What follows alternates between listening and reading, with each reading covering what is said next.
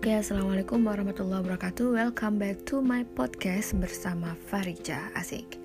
Di podcast kali ini, gue akan ngobrolin tentang ada apa dengan hatimu.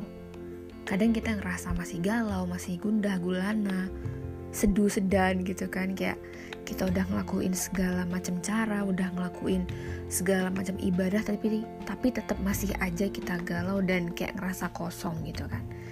Nah, Perasaan dalam hati tiada siapa yang mengerti. Asik bahasanya coy.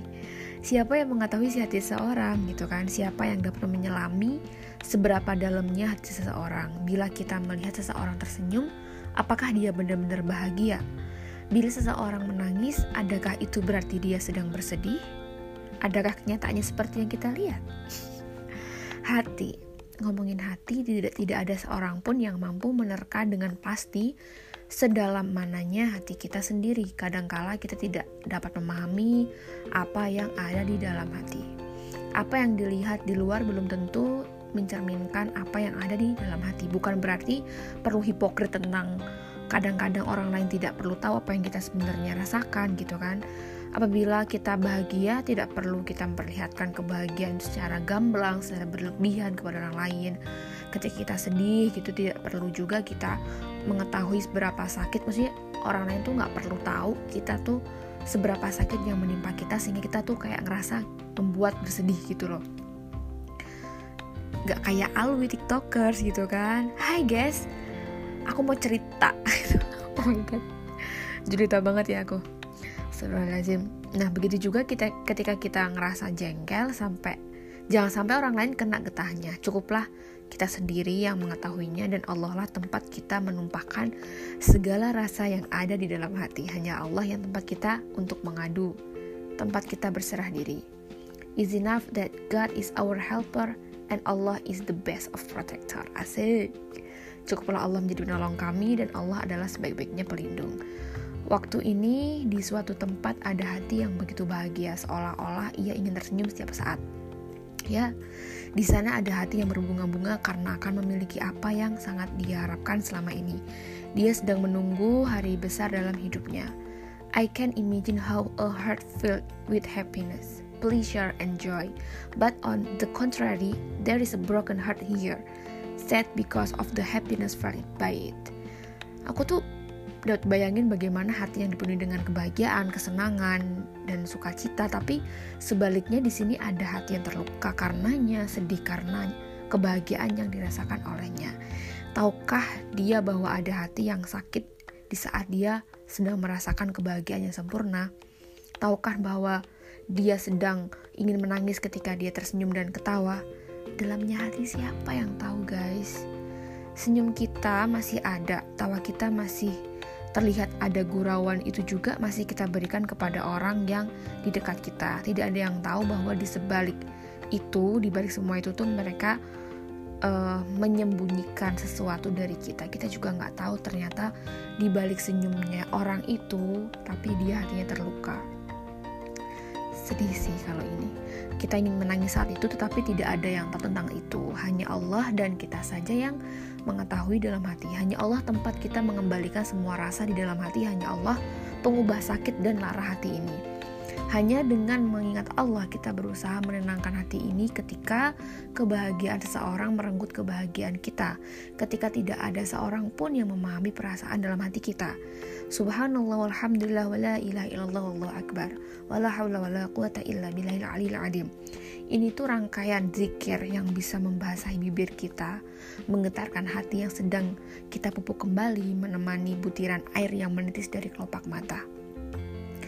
Kata Rasulullah, berbanyaklah membaca la haula wala quwata illa billahil alil adim karena sesungguhnya bacaan itu adalah obat bagi 99 penyakit yang mana penyakit paling ringan adalah kebimbangan bimbang, galau, gundah gulana gitu kan ini riwayat dari Al-Uqaili melalui Jabir radhiyallahu an. Hasbunallah wa ni'mal wakil ni'mal maula wa ni'mal nasir. Ya Rab, semua datangnya dari Engkau dan semua akan kembali kepada Engkau, maka aku serahkan semua rasa ini kepadamu ya Rab. Kuatkanlah aku menghadapi semua ujian yang Engkau berikan, ikhlaskan hati ini untuk menerima setiap takdir yang Engkau tuliskan kepada kami. Hanya Engkau ya Rob ia mengetahui dengan benar dalam hatinya aku, maka aku mohon tuntunlah diri ini untuk tetap berada dalam kebenaranmu. Amin ya Allahumma, amin. Tetap lah ya. Di sini sih pengajian sama doa, Ibu. Mohon maaf. Nah, hidup bukan hanya deretan cerita indah. Hidup adalah perjalanan di batas antara kesedihan dan keriangan. Ada saat di mana segalanya terasa begitu nyaman, namun ada momen-momen kesedihan yang menguras nyaris seluruh air mata. Hidup itu sejatinya itu perjuangan, guys. Perjuangan, kemudian penuh dengan apa ya? Perjuangan lah, penuh dengan uji coba, ujian gitulah. Karena sekali lagi hidup itu adalah tempatnya ujian, dunia itu tempatnya ujian, bukan tujuan di garis bawahi di underline di board catat guys. Ini sebenarnya aku save reminder sih kayak buat aku sendiri karena sebaik-baiknya aku yang apa menasihat diri aku sendiri gitu loh. Nggak menggurui kalian tuh enggak kok. Alhamdulillah. Kemudian hidup adalah goresan lukisan berbagai warna secara keseluruhan membentuk pelangi yang indah sekalipun demikian. Ketika kelamaan memayungi kita hidup terasa seperti detak-detak jam menunggu kematian. Rahmat bukan Pak Rahmat Wahab ya, rektor. Rahmat itu ibarat pelangi yang indahnya hanya bisa dinikmati dalam keutuhannya. Namun, tidak semua orang sanggup menikmatinya karena dalam hidup, setiap jiwa harus merasakan warna demi warna. Saat melewati warna-warna pekat, banyak orang yang teramat sedih demi sedemikian rupa hingga lupa bahwa itu hanyalah sebuah momen dari deretan pelangi yang indah. Dalam kesedihan yang mendalam, seseorang biasanya dihadapkan pada dua pilihan, mencari pelarian dalam kerendahan kesenangan duniawi itu atau menjalaninya dengan keteguhan. Nah, di antara dunia pilihan ini, Nabiullah Muhammad SAW memilih untuk tidak menistakan hidupnya dalam kesenangan-kesenangan duniawi, rendah sekedar untuk lari-lari dari kegundahannya. Kalian inget kan kisah Isra Mi'raj ya kan? itu bener-bener ya Allah sedih banget sih biarlah mereka berdebat tentang apakah peristiwa itu merujuk pada perpindahan jasmani ataukah transformasi rohani. Kisah ini adalah kisah seorang hamba mulia yang tidak lelah menggapai rahmat Allah di saat Allah mencobanya dengan maksudnya memberikan cobaan dengan kesedihan yang teramat dalam. Ketika banyak orang menjadi putus asa dalam menanggung kepedihan, Rasulullah meyakini sepenuh hati bahwa Allah tak pernah mencobai hambanya di luar batas kesanggupannya. Rahmat Allah jauh lebih luas daripada kesedihan yang dicobakan kepada hambanya. Jangan berputus asa dari rahmat Allah. Nah, peristiwa Isra Mi'raj terjadi setelah didahului oleh momen kesedihan, ya kan, yang tak terperikan. Sebegitu sedihnya sang Rasulullah hingga tahun itu disebut dengan Amul Husni, tahun kesedihan. Bisakah engkau membayangkan guys, seseorang yang ditinggal mati kekasih pujaan hatinya? Bisakah engkau membayangkan jika kematian kekasihnya itu terjadi hanya berselisih tiga bulan dari kematian orang tua pelindungnya? Di tahun kesedihan itu Rasulullah ditinggal mati pamannya, orang yang mengasuhnya sejak kecil, yang kepadanya ia menemukan figur seorang ayah yang melindungi dari cercaan dan ancaman musuh-musuhnya saat dia harus memanggul amanah untuk mendakwahkan firman Allah. Belum usai kepedihan hatinya, ia harus kehilangan Khadijah, istri tercintanya, perempuan yang menyelimutinya dengan cinta saat dia pulang dan gemetaran setelah menerima wahyu Tuhan, yang menghiburnya saat dia nyaris putus asa, mengajak masyarakatnya untuk meninggalkan kehidupan yang dipenuhi dengan kejahilian. Bisa nggak dibayangin gitu loh, segitu sedihnya, segitu cobaannya Rasulullah pada saat itu Rasanya langit runtuh seketika, hidup tak lagi memiliki pegangan. Setiap arah yang dituju terasa hanya kegelapan, bahkan semesta terasa tak lagi punya arah. Orang yang tak memiliki keteguhan iman hampir pasti akan memilih bunuh diri atau tenggelam dalam kesenangan duniawi. Tapi bagi sang nabi, kesedihan itu membawanya lari semakin jauh ke, ke kedalaman munajat kepada Allah. Sekarang aja kita cuman dihujat netizen, ya nggak cuma cuman adanya haters, adanya bulian kayak gitu kita kalau nggak punya Allah, nggak punya Tuhan, nggak punya pegangan, ya gampang tinggal bunuh diri gitu karena dia nggak punya kepercayaan dan nggak punya apa ya nggak punya iman, nggak percaya bahwasanya nanti ada kehidupan yang sangat nyata, kehidupan yang kekal abadi di yang namanya akhirat gitu loh. Setiap hembusan nafasnya adalah tangisan kepada Allah. Setiap detak jantungnya adalah zikir. Seluruh gerak tubuhnya adalah tasbih. Dan Allah menyambutnya, merengkuhnya dalam rahmat dan keagungannya.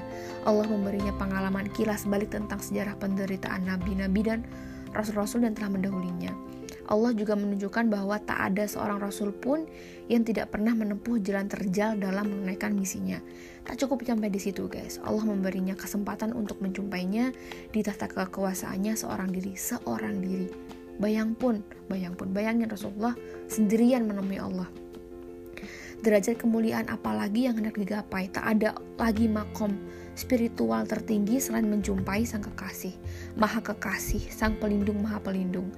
Kisah Isra Mi'raj ini adalah kisah tentang keteguhan seorang hamba yang tak hancur dalam kesedihan dan tak larut dalam kesenangan. Segala yang ada di dunia, kebahagiaan dan kesedihannya hanyalah sekelumit dari perwujudan rahmat dan kasih sayang Allah kepada manusia. Jika engkau sanggup melampauinya, Allah akan memanggilmu untuk Isra Mi'raj kepadanya. Nah, kita kembali ke galau, guys. Galau dalam kamus dalam KBBI gitu kan berarti kacau tidak karuan pikiran sementara risau dalam KBBI itu berarti gelisah atau rusuh hati kegalauan dan kerisauan sekali e, waktu hingga pada saat seperti itu dunia terasa berhenti berputar karena suasana batin yang sedang kalut dan cemas. Pada saat itu kita dianjurkan untuk membaca doa dari riwayat Ibnu Sini. A'udzu bikalimatillahi hitamati min syarri ma itu juga bisa uh, kalau misalkan dari Ibnu Sini itu bentar. Hmm, okay. A'udzu bikalimatil hitamati min syarri ibadihi wa bin hamazati syayatinihi wa iyahdurun Ya Allah, aku berlindung dengan kalimat Allah yang sempurna dari mukanya, dari murkanya, siksanya, keburukan hambanya, gangguan setan dan setan yang hadir. Doa ini bisa dibaca ketika galau dari risau serta cemas menyergap di malam hari sehingga tidak bisa tidur dan ini juga diperintahkan dan di maksudnya diajarkan oleh Rasulullah kepada sahabat Al Walid ibnu Walid bahwasanya um, itu tadi a'udzu bikalimatillahi tammati min ghadabihi wa iqabihi wa syarri ibadihi wa min hamazati syayatinihi wa yahdurun. Niscaya insyaallah tidak akan membahayakanmu dan tidak akan mendekatimu. Maksudnya hmm, ini kita akan menjadi pelindung kalau kita lagi galau dari godaan-godaan setan yang tetap kekeh dengan misinya gitu untuk jadi temannya gitu Alhamdulillah. Nah kemudian uh, gundah gulana. Gitu, gelisah sedih tiba-tiba datang walaupun tidak kita diundang. Sebagaimana juga bahagia senang merasa nyaman dan tentram jiwa dan hati tiba-tiba kita rasakan meskipun kadang kita tidak merencanakan itu inilah suasana kebatinan, suasana kejiwaan dan suasana hati kita setiap saat dan waktu. Setiap hari dan berjam-jam yang kita lewati. Kenapa ini bisa terjadi? Karena diri kita, badan kita memiliki ruh.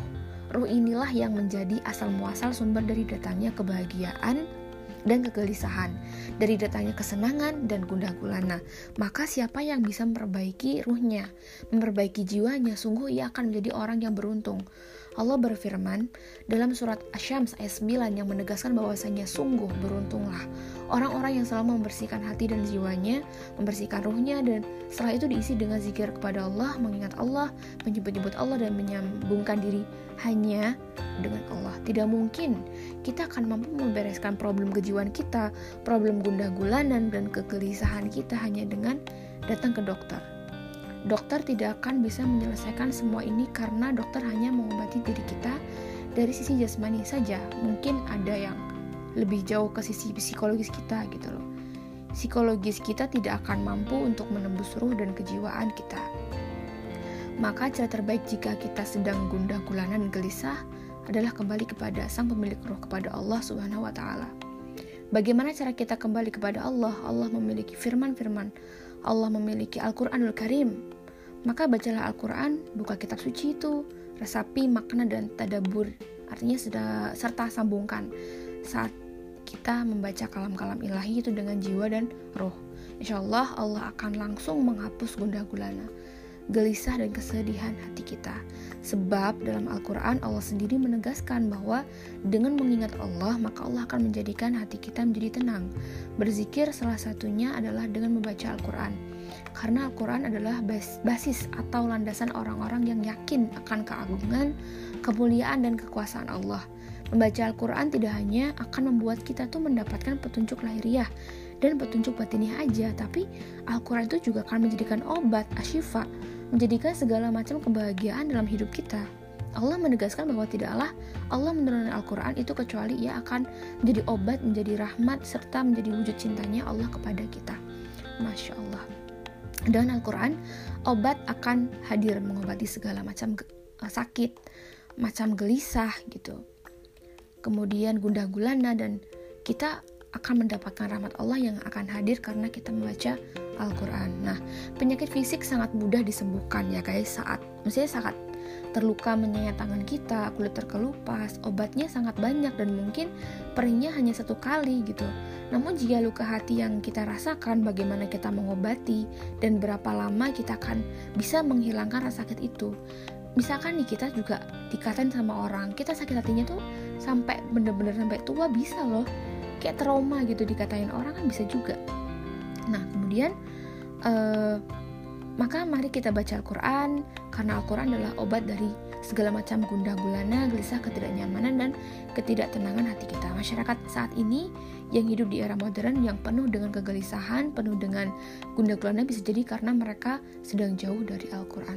Iya nggak? Iya dong. Namun pertanyaannya gini, sering kali muncul ketika sudah baca Al-Quran, namun kenapa masih galau? Kita perlu menyadari bahwasanya Al-Quran adalah firman Allah yang suci Jangan cara untuk membacanya, cara memahaminya, cara mentadaburinya pun nggak sembarangan, perlu guru gitu loh. Dan lama untuk mempelajarinya, nggak jebret kun fayakun, kau bisa tuh enggak. Jika sudah kita udah baca Al-Quran tapi tidak merasakan nikmatnya, nikmat kebahagiaan, rasa dok untuk baca Qurannya kita masih kurang ya, kita lihat lagi kita udah bener belum gitu kan kita kursa kerusu belum? Kita udah cinta belum baca Quran? Atau karena paksaan gitu kan? Yang tahu ya kita gitu. Nikmatnya ketenangan, nikmatnya efek dari Al-Quran mungkin karena kita tidak beradab dalam membaca Al-Quran, nggak wudhu, nggak pakai jilbab. Sebenarnya kalau misalnya kita baca Quran nggak pakai jilbab itu nggak apa-apa, nggak haram, nggak nggak kafir, nggak nggak apa ya nggak dosa, cuman adab, ya kan? Adab pantas nggak tuh kita baca Quran tapi kita nggak pakai jilbab? Bau baca kalam-kalam Allah yang suci masa kita nggak nggak apa ya nggak nutup aurat gitu loh. Nah kemudian uh, untuk melahirkan Al-Quran sebagai obat uh, harus menggunakan tata cara seperti yang difirmankan Allah dan diterangkan Rasulullah. Kita harus berakhlak dan beradab saat membaca Al-Quran. Bagaimana akhlak dan adab kita dalam membaca Al-Quran? Kita harus menjaga wudhu, kita harus suci, suci dari lahir batin, suci dari hadas, suci dari najis, suci dari penyakit hati. Jika kita nggak suci ya energi yang luar biasa dahsyat dalam Al-Quran tidak akan sampai. Kita serap gitu loh. Kita akan mampu menyerapnya. Sehingga bacaan Al-Quran kita hanya sampai di kerongkongan doang. Tentu ketika baca hanya sampai di kerongkongan tidak akan pernah sampai kita mendapat kebahagiaan dalam hati. Karena cuma sampai kerongkongan doang yang Allah tiupkan melalui firman-firmannya. Nah kemudian uh, kita kadang ngerasa juga kan kalau baca Quran kadang capek baca tuh benar-benar cepet dan capek nggak tartil tuh pernah karena kita nggak tahu ilmunya guys. Kurusa kurusu lah gak pakai cinta. Nah keadaan suci menjadi dasar untuk membaca Al-Quran yang melahirkan rahmat Allah. Obat dari segala macam obat dari penyakit yang bersemayam serta akan menjadikan kita semakin tenang tentram dan bahagia. Setelah kesucian kita jaga, kita juga harus menjaga niat kita untuk baca Al-Quran secara ikhlas. Membaca Al-Quran tidak boleh diniatkan untuk gagah-gagahan, untuk pamer, untuk menunjukkan kesolehan, menunjukkan kita hebat, pinter, untuk biar dipuji. Oh, ini bacaannya bagus, istri idaman, uh, suami idaman gitu. Gak bisa guys, itu gak ada dalam aturannya. Kemudian membaca Al-Quran adalah dalam rangka menyambungkan diri kita kepada Allah. Maka saat kita baca Al-Quran, pastikan hadir kesadaran dalam diri kita, hadirkan cinta juga untuk mengulang-ulang firman-Nya dan tidak ada awal dan tidak akhir untuk membacanya. Sadarkan diri kita untuk baca Al-Quran bahwa kita akan dipinjam, kita sedang dipinjam oleh Allah untuk melanggengkan firman-firmannya. Kalau kita baca Al-Quran dengan tartil dengan cinta berarti Al-Quran rindu sama kita. Tapi kalau misalkan kita baca Quran tapi kita tuh kayak capek kayak gedek hati tetap gedek hati riak segala macam. Hati-hati guys. Itu berarti Quran gak mau dibaca sama kita. Kita harus bener-bener Quran tuh nggak mau diduain gitu loh. Jadi kita harus menumbuhkan rasa cinta kita sama Al-Quran minta sama Allah. Ya Allah kasihkanlah hamba kecintaan dalam Al-Quran kecintaan kepada firman-firmanmu. Nah kemudian uh, itu tadi tentang kita tuh obat dari gundah gulana tentang Al-Quran juga. Al-Quran juga tidak bisa ditinggalkan karena apa yang namanya kalau kita meninggalkan Al-Quran kita juga meninggalkan pedoman hidup kita kita meninggalkan uh, sesuatu yang bisa menjadi obat hati kita nauzubillah. Sesuai dengan makna dasarnya kalau hati adalah sesuatu yang bolak-balik. Ia tidak berpendirian tetap tetapi selalu berubah-ubah. Pagi dalam keadaan taat sore kembali berbuat maksiat. Kemarin sudah bertaubat hari ini kita kembali berdosa. Sesuai dengan apa namanya uh, dari gundah gulana itu kita bisa bisa aja ada sebab-sebabnya bahwasanya kita juga kurang bersyukur. Karena gini Allah itu kan udah menciptakan segala sesuatu termasuk semua yang ada di langit dan ada yang di bumi dengan penuh kasih sayang kepada manusia. Dan tidak ada binatang melata pun yang hidup di muka bumi ini melainkan Allah yang memberi rezeki. Kalian tahu kan di surat Hud?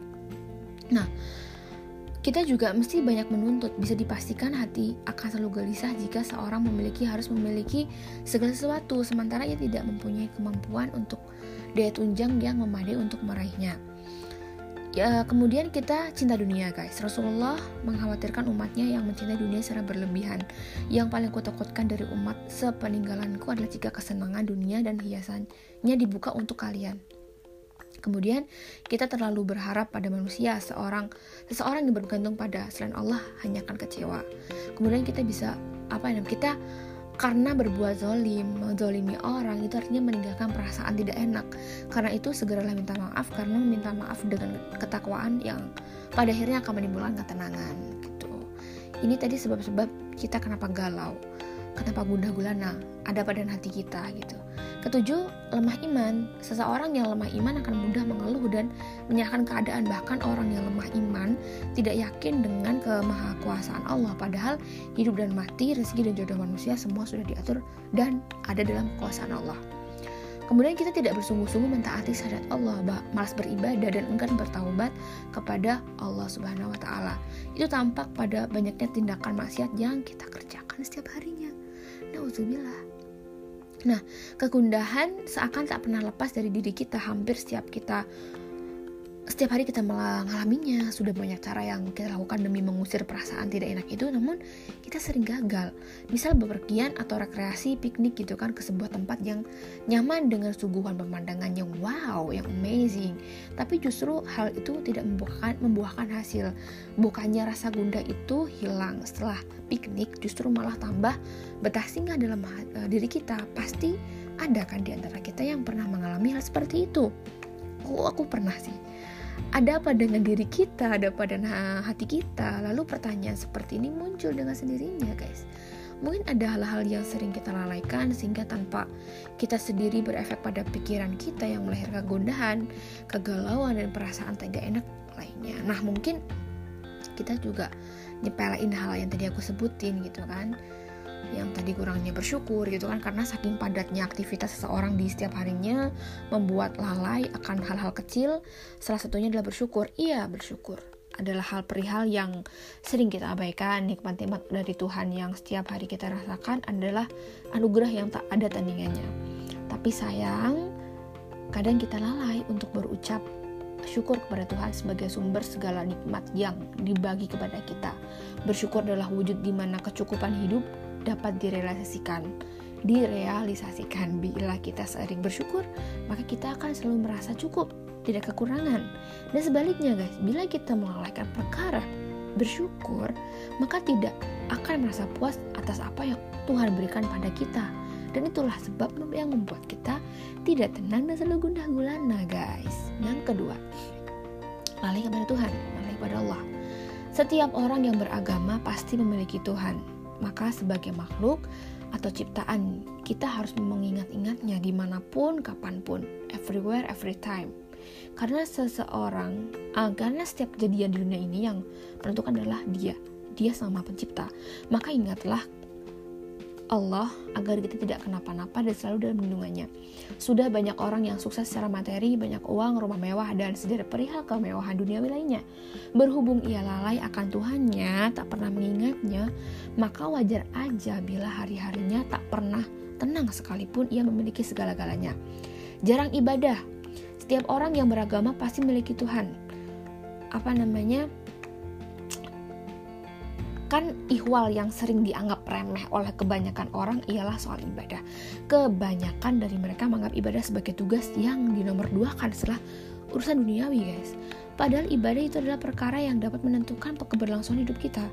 Bahagia atau enggak, bahagia hidup kita, apa namanya bahagia atau enggak, bahagia hidup kita bergantung pada ibadah yang kita gimana sih ya bahagia atau tidak bahagia hidup kita bergantung pada ibadah yang kita kerjakan.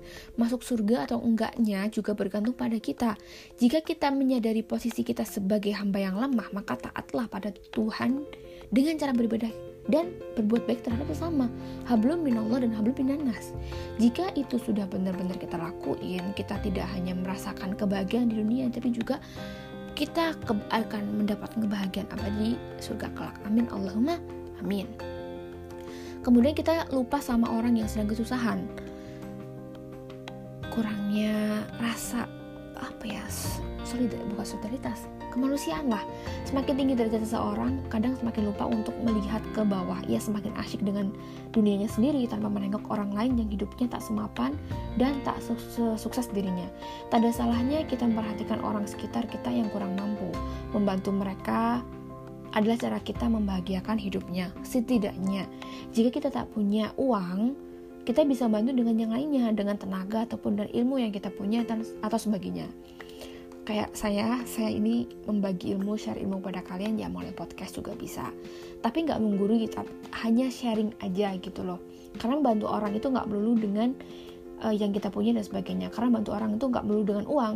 Sebagaimana sebenarnya itu kebahagiaan yang kita curahkan terhadap orang lain itu akan kembali pada diri kita sendiri. Jadi membantu orang lain itu akan membuat kita mis gak akan membuat kita miskin atau susah. Itu salah. Gini jadi membantu orang lain itu akan membuat kita miskin ataupun susah itu salah.